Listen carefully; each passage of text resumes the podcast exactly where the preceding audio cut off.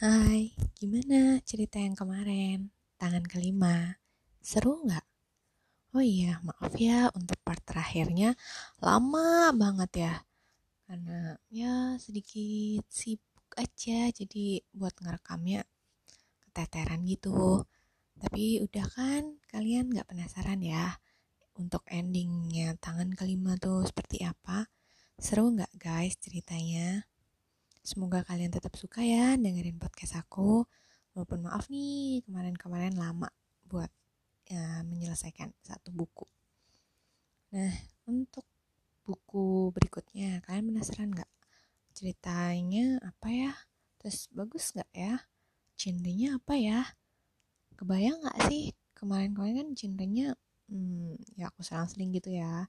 Maksudnya ada yang romance lah, terus ada yang petualangan, ada yang um, analisis-analisis gitu macam tahan kelima. Kali ini aku mau kasih kalian mendengarkan cerita hmm, romance iya, terus sedikit petualangan iya. Hmm, semoga kalian suka ya. Novel selanjutnya yang bakal aku bacain judulnya Love is the answer. Percayalah, bagian paling menyenangkan dari jatuh cinta adalah ketika proses mengenalnya. Yang dikarang oleh Jenny Talia Faurine. Hmm, novel ini terbitan dari penerbit Cakrawala. Uh, ceritanya cukup menarik sih. Udah siap? Mendengarkan, selamat menikmati apa yang saya bacakan untuk kalian.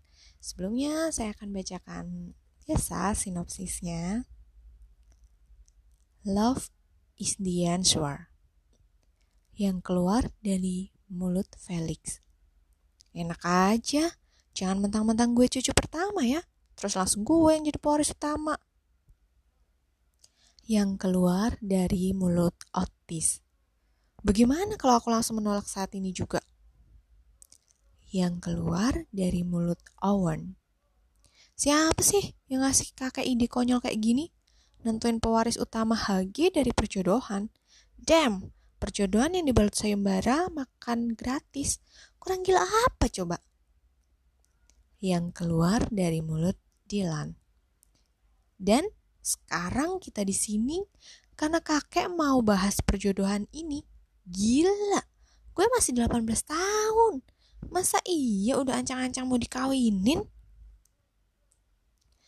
Dora berhasil ikut acara 30 Days for Finding Food. Bagi seorang big foodie seperti Dora, ikut acara wisata kuliner gratis semacam itu adalah kebahagiaan terbesarnya. Tentunya, Selain berburu kuliner bareng soulmate-nya Ronald yang baru saja tiada. Thanks God, ia tergolong perempuan yang dari lahir punya bakat kurus. Jadi nggak perlu beli timbangan cuma buat mengawal berat badannya sebulan ke depan.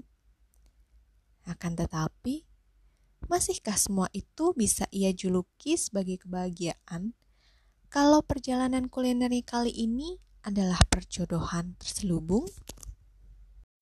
Gimana guys?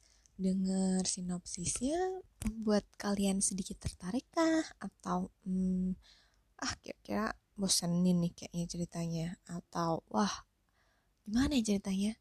Bikin kalian antusias.